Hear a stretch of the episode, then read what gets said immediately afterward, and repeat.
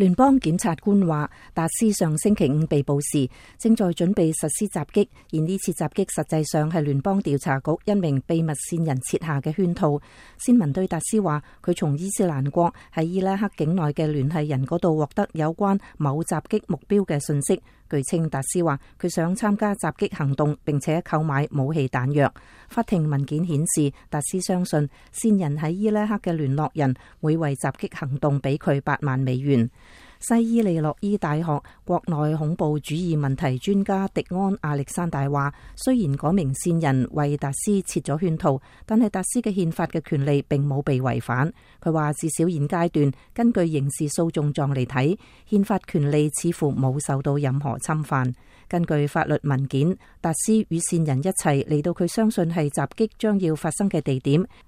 并且将枪上咗子弹，佢随后被捕。亚历山大话：，线人与达斯合伙作案，并唔构成设立圈套有人犯罪或者称扣陷。而自从二零零一年九月十一号美国遭到恐怖袭击以嚟，喺好多起诉国内恐怖主义嘅案件中，扣陷亦冇成为问题。其中有一半嘅案件利用卧底或者线人，被告喺辩护中采用扣陷一说，亦未能生效。聯邦調查局局長詹姆斯科米喺上星期參議院國土安全委員會嘅聽證會上預測，喺敘利亞同伊拉克境內軍事打擊伊斯蘭國所取得嘅成功，將會喺今後二至五年內產生漂泊在外嘅恐怖分子。科米話必須為自身以及美國嘅盟國，特別係西歐做好準備，應對咁樣嘅威脅，因為當伊斯蘭國被削弱成反叛力量，嗰啲殺人兇手流落出嚟之後，佢哋會企。逃离西欧，企图嚟呢度杀害无辜嘅民众。亚历山大话：至少喺目前，美国境内嘅主要恐怖主义威胁，并唔系嚟自难民，